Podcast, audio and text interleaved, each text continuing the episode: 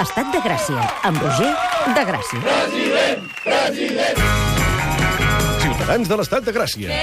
Ha arribat l'hora dels singles. Eh? No són els singles de Bertí, ni els singles que diuen que no busquen parella, però que sí que en busquen. Oh! Són els singles de la música, que amaguen històries que no sospitàvem, o potser sí. Obriu bé les orelles per rebre el nostre secretari d'Afers Musicals, Pep Blai. What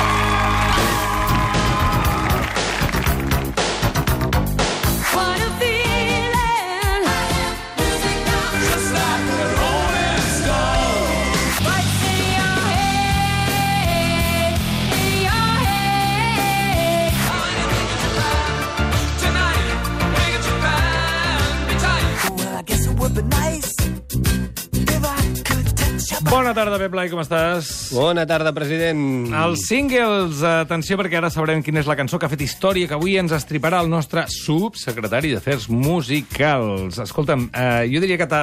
Vas veure el concert dels refugiats? El vaig veure, no en directe, el vaig seguir eh, per televisió i, vaja, eh, tot va- el que vaig poder. et va tocar de prop? poder. Em va tocar molt de prop, perquè a més a més tinc una amiga síria que viu aquí a Barcelona i que té els seus pares refugiats a Turquia i que volen marxar de diu, "Ai, és complicadíssim, i em va tocar. Però a mi el que em va tocar més és tornar a veure junts en un mateix espectacle a Llac i a Serrat. Home, tan difícil, tan, tan difícil és això. A veure, perspectiva històrica, Roger, perspectiva històrica. Quantes vegades has vist el llac i el Serrat amb un mateix espectacle? Mm. O sigui, cantar junts ja és una cosa que és ciència-ficció.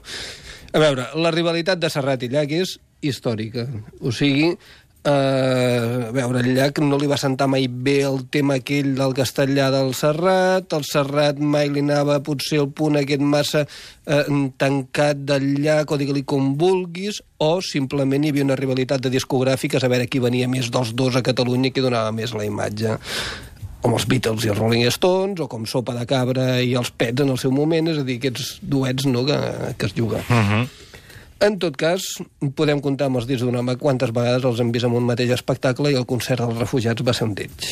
Per tant, el single d'avui a l'Estat de Gràcia, el dilema és el farà de Llac o el farà de Serrat, el Pep Blai? Xan, xan, xan. Doncs avui, avui, Serrat. Perquè eh, va sonar en el Dia dels Refugiats un single que ha fet història, que ja porta més de 45 anys i que es va tornar a gravar eh, per al concert dels refugiats amb una versió molt curiosa, que és aquesta. Quizá porque mi niñez sigue jugando en tu playa.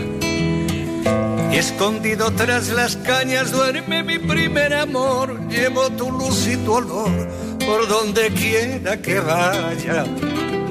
Y amontonado en tu arena, guardo amor, juegos y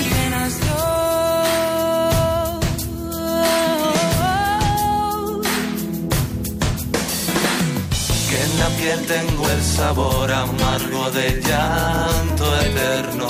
Déu-n'hi-do, est- estop als Amics de les Arts, Antoni Orozco, Santi Balmes, Sidoní, Gossos, Marina Rossell, la Dharma... La Judit Nederman, que és la cançó, eh, la veu que hem sentit d'aquest trosset preciós. O sigui, per mi és la prova més evident de que, de que tothom respecta i admira Serrat, sigui de quin perfil artístic sigui, sigui de quina generació sigui, sigui català, sigui castellà, sigui sud-americà. És a dir, Mediterráneo li agrada a tothom. Escolta, de tota manera, eh, aquí es va inventar això de les cançons col·lectives, perquè jo recordo aquella mítica de fa molts anys, la del We Are The World. No sé si és la primera, aquella, en aquest cas. Jo no sé si és la primera tampoc, però sí que és veritat que va sentar un precedent. Se'n recordeu de com feia aquell We Are the World? Sí, home, i tant, a veure...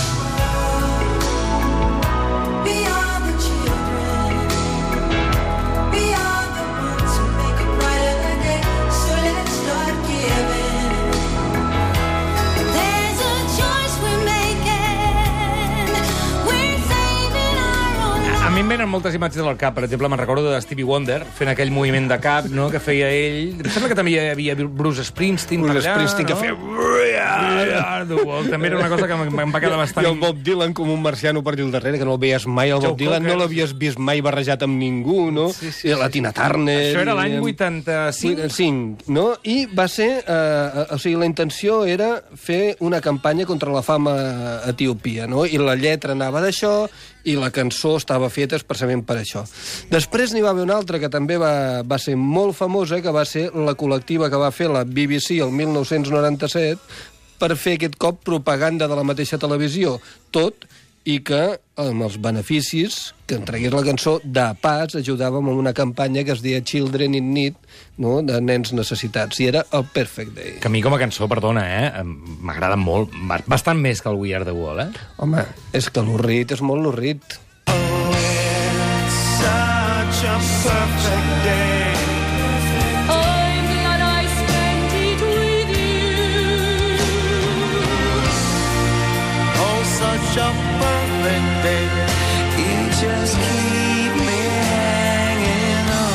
Quina ràbia fa el Bono aquí. Com Pavarotti, eh? Quina... No, Pavarotti fa, fa l'oceu, però el Bono se sap, se sap en aquest moment tan important i trenca la veu i la fa cap avall. Ah, i, i no es pot suportar. Eh, en tot cas, la veritat és que fins aquell moment eh, les cançons aquestes col·lectives de un vers tu, un vers jo, diguéssim, servien d'alguna manera com a excusa per acabar mm, doncs, a benefici de- d'algú o d'algú altre, no? I en català també se n'havia fet alguna, no? Sí, llavors aquí a Catalunya el que van fer és una cançó a benefici del Nadal. Veus? O sigui, és a dir, que bueno, al fi al cap era Per per, les arques de la discogràfica i eh, van fer una cançó de Nadal que era Quan somrius. És Nadal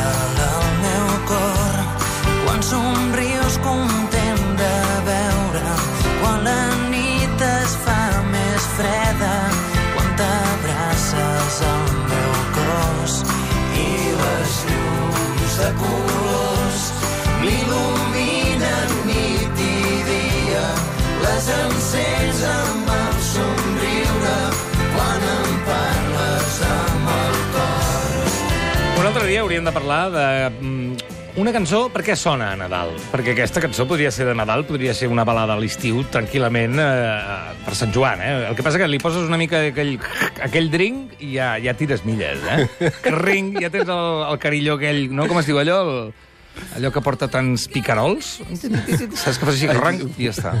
Bueno, igual, en tot cas, En tot aquesta va ser cas, l'any 2000, va aquí, reunir amb gossos, l'Axambusto... no? Tots aquests, i, i ja està. Però a veure, anem a parlar una mica del Mediterrani. Hosti, que ens hem això- desviat molt, no? Sí, el que passa que em feia gràcia perquè això de les col·lectives, vull dir, és un allò d'on va sortir, i ara perquè tothom reparteix aquest model, doncs una mica ha estat això. Tirem enrere el concert eh, pels refugiats aquest dissabte passat, a aquesta col·lectiva del Mediterrani, i tornem a parlar del Mediterrani, que és el single d'avui del el Pep Blai. Aviam, parlant del Mediterrani, què va significar el Mediterrani en el seu moment? A veure, d'entrada va significar la consagració a Espanya i a Llatinoamèrica d'un artista català que amb, eh, que, amb més de fer cançons a castellà, també cantava en català, però era un hit sense precedents d'un artista català, d'un artista que, o sigui, d'una cançó que, a més a més, sempre ha rebut el suport de la crítica. És a dir, no ha estat només una cançó amb èxit popular, sinó també eh, de la crítica. A Televisió Espanyola, jo no sé si us en recordeu d'un programa que es deia Nuestra Mejor Canción, No.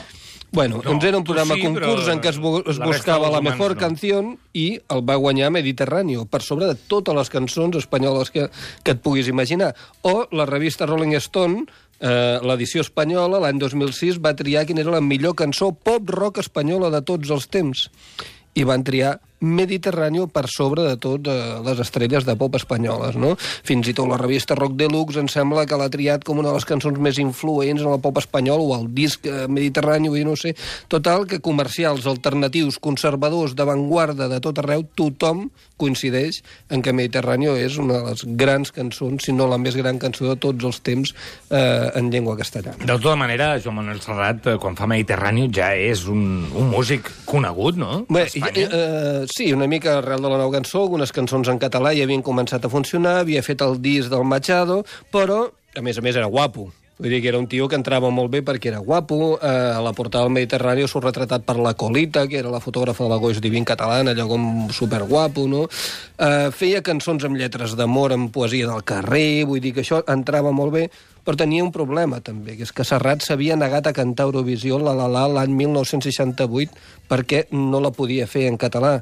Això li va ocasionar un veto a la ràdio i televisió espanyola. Recordem que en aquells moments només hi havia ràdio i televisió espanyola, no hi havia res més. No hi havia més canals, no hi havia altres mitjans de comunicació. Per tant, estava silenciat. I un any abans de Mediterráneo, ell mm, seguia amb la seva i es va tancar amb un grup d'intel·lectuals al monestir de Montserrat en protesta per, una, per la condemna de mort d'uns atarres al procés de Burgos. Anava en contra de la pena de mort. És a dir que, eh, clar, d'una banda estava silenciat i de l'altra se l'apreciava molt. I era, no, no era fàcil la posició del Serrat en aquell moment. Però, de tota manera, la cançó no és reivindicativa, no? No.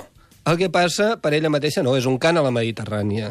El que passa que si tu cantes a la Mediterrània en temps de Franco, en un moment on l'epicentre és Madrid i a nivell musical és eh, les arrels andaluses, el flamenc, i tu cantes a la Mediterrània, és dir, eh, a l'epicentre del món no és Madrid ni és Andalusia, és el Mediterrani també, és Catalunya, és el País Valencià, són les illes eh, no és tan fàcil. És a dir, no és reivindicativa, però sí que té unes connotacions com a mínim descentralitzadores. No? cerca del mar porque yo nací en el Mediterráneo, nací en el Mediterráneo, nací en el Mediterráneo. Que la sents amb la seva versió original, ara hi sembla que vagi un pèl accelerat, no? Perquè el, el canvi del timbre de veu... Bueno, clar, l'edat ja ho té, això, no? Sí. De tota manera, de què va Mediterrani? Aviam. A veure, és, és, és una del mar, és una de la, a, a- la infantesa, quan era petit, el mar és el que, el, el que l'acompanyava sempre i el que estava tot arreu, és una oda a, a les seves arrels, no? Um, clar, mm, ell parla duerme mi primer amor, llevo tu luz i tu olor por donde quiera que vaya. I he sentit rumors de que si el primer amor de Serrat també doncs, va ser a la platja i, i tal. I ell, jo no he pogut confirmar, però clar, a mi em fa gràcia perquè penso, el gran hit en castellà del, del Serrat era Mediterráneo i és el seu primer gran amor que és el mar o és la tia que es va folonyar al mar. I això cadascú que ho tingui com sigui. Però en català el seu gran èxit és Paraules d'amor, que també està dedicat al seu primer amor. Ella em va estimar tant jo me l'estimo encara plegats vam travessar una porta tancada ella com us ho podré dir? Era tot el meu món llavors. Paraules d'amor per una banda i Mediterráneo per l'altra. Dues odes a la nostàlgia, Roger. Sí, sí, Això sí. vol dir que Serrat ha triomfat a sac gràcies als records, als primers records, a la infància i a l'adolescència. Sí, home, és que clar, és, canta bé. És guapo. Eh, parla de la nostàlgia, parla del mar, de fer coses del mar, d'estar al mar. Eh, Mar, mar, mar. Però, mira, aquestes no les que volia dir. Mediterráneo no està feta precisament davant del mar. A veure, m'explicaré bé, eh, perquè hi ha molts matisos. Però la primera vegada que Serrat va pensar en una cançó dedicada al mar Mediterrani va ser a Mèxic, a l'interior de Mèxic, no a la costa. Estava fent una gira per, per Mèxic, portava diverses setmanes sense veure el mar, i aleshores li va agafar un punt i jo necessito veure el mar com sigui perquè el trobo faltar. Se'n va anar a un llac que hi havia a la vora d'on estava en aquells moments i es va quedar mirant aquell llac i va dir això no és el meu mar. I allí va pensar haig de fer una cançó dedicada al Mediterrani, al mar que m'ha acompanyat sempre i que trobo tant a faltar. I allí va prendre les primeres notes, mentals o, o escrites o com sigui. I aleshores, quan va gravar el disc que havia de gravar següent, va partir d'aquestes notes, però llavors sí que ja estava en un hotel de Calella de Palafrugell. això jo, jo, és que jo havia sentit això, que l'havia fet a Palafrugell, però no. És a dir, la idea la té a Mèxic, a l'interior, Exacte. les primeres notes, i la porta aquí, i l'acaba de construir aquí. Aquí és on la mar. remata. Val, eh? val, el concepte de cançó neix a Mèxic i fer-la i rematar-la ho fa a Calella de, de, de Palafrugell.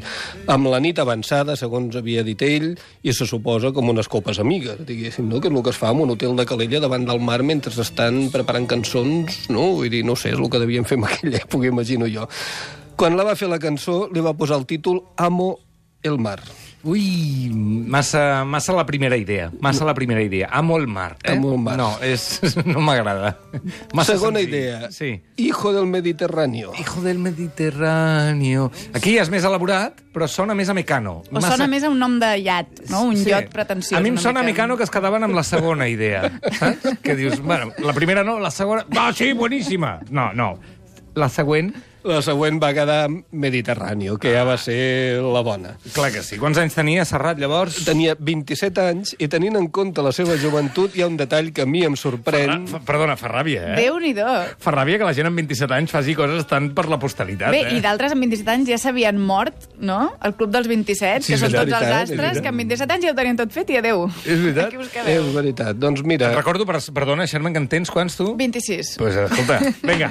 te'n queda un, te'n queda un. Espavilant. En tot cas, potser el Serrat no es va morir, però sí que al final de la cançó va escriure el seu propi testament. I escolteu un moment que és exactament el que diu. Diu... Si un día para mi mal viene a buscarme la parca, empujad al mar mi barca con un levante otoñal y dejad que el temporal desguace sus alas blancas. A mí, enterradme sin duelo entre la playa y el cielo. Molt bé, eh, de la nostàlgia al, al futur llunyà, esperem, Clar, eh? bueno, en jo, jo no sé si encara pensa el mateix, eh? O ha canviat d'idea, vull dir, no sé si voldrà que l'enterrin al mar o no. Però, mm, en tot cas, ell ja ho va deixar eh, allò enllestit. Escolta, Mati, eh, acabem fantàstica aquesta revisió del Mediterrani. Tornem a sentir, si podem, en algun fragment per acabar aquesta segona hora de l'Estat de Gràcia amb aquesta cançó, considerada una de les millors cançons de la història del rock, del pop, de la cançó de cantautor de- d'aquest país, d'Espanya i de tot Llatinoamèrica. Escolta, si al final descobreixes què va passar i què va fer eh, Serrat allà a la platja, ja ens ho explicaràs? o no? No, escolta, no ens ho expliquis. No ens ho expliquis, són coses seves. Deixeu el pobre Serrat, que, que amb la seva vida amorosa s'ha dit de tot. Ja, ja, ja, ja, ja, sí, ja, gaudim. Hi ha dones que el truquen per dir-li jo era la de les paraules d'amor, No, jo era la jo, jo, jo. jo era la Lucía. Pep Blai, moltes gràcies, Mediterráneo. Gràcies, Serrat. Gràcies, president.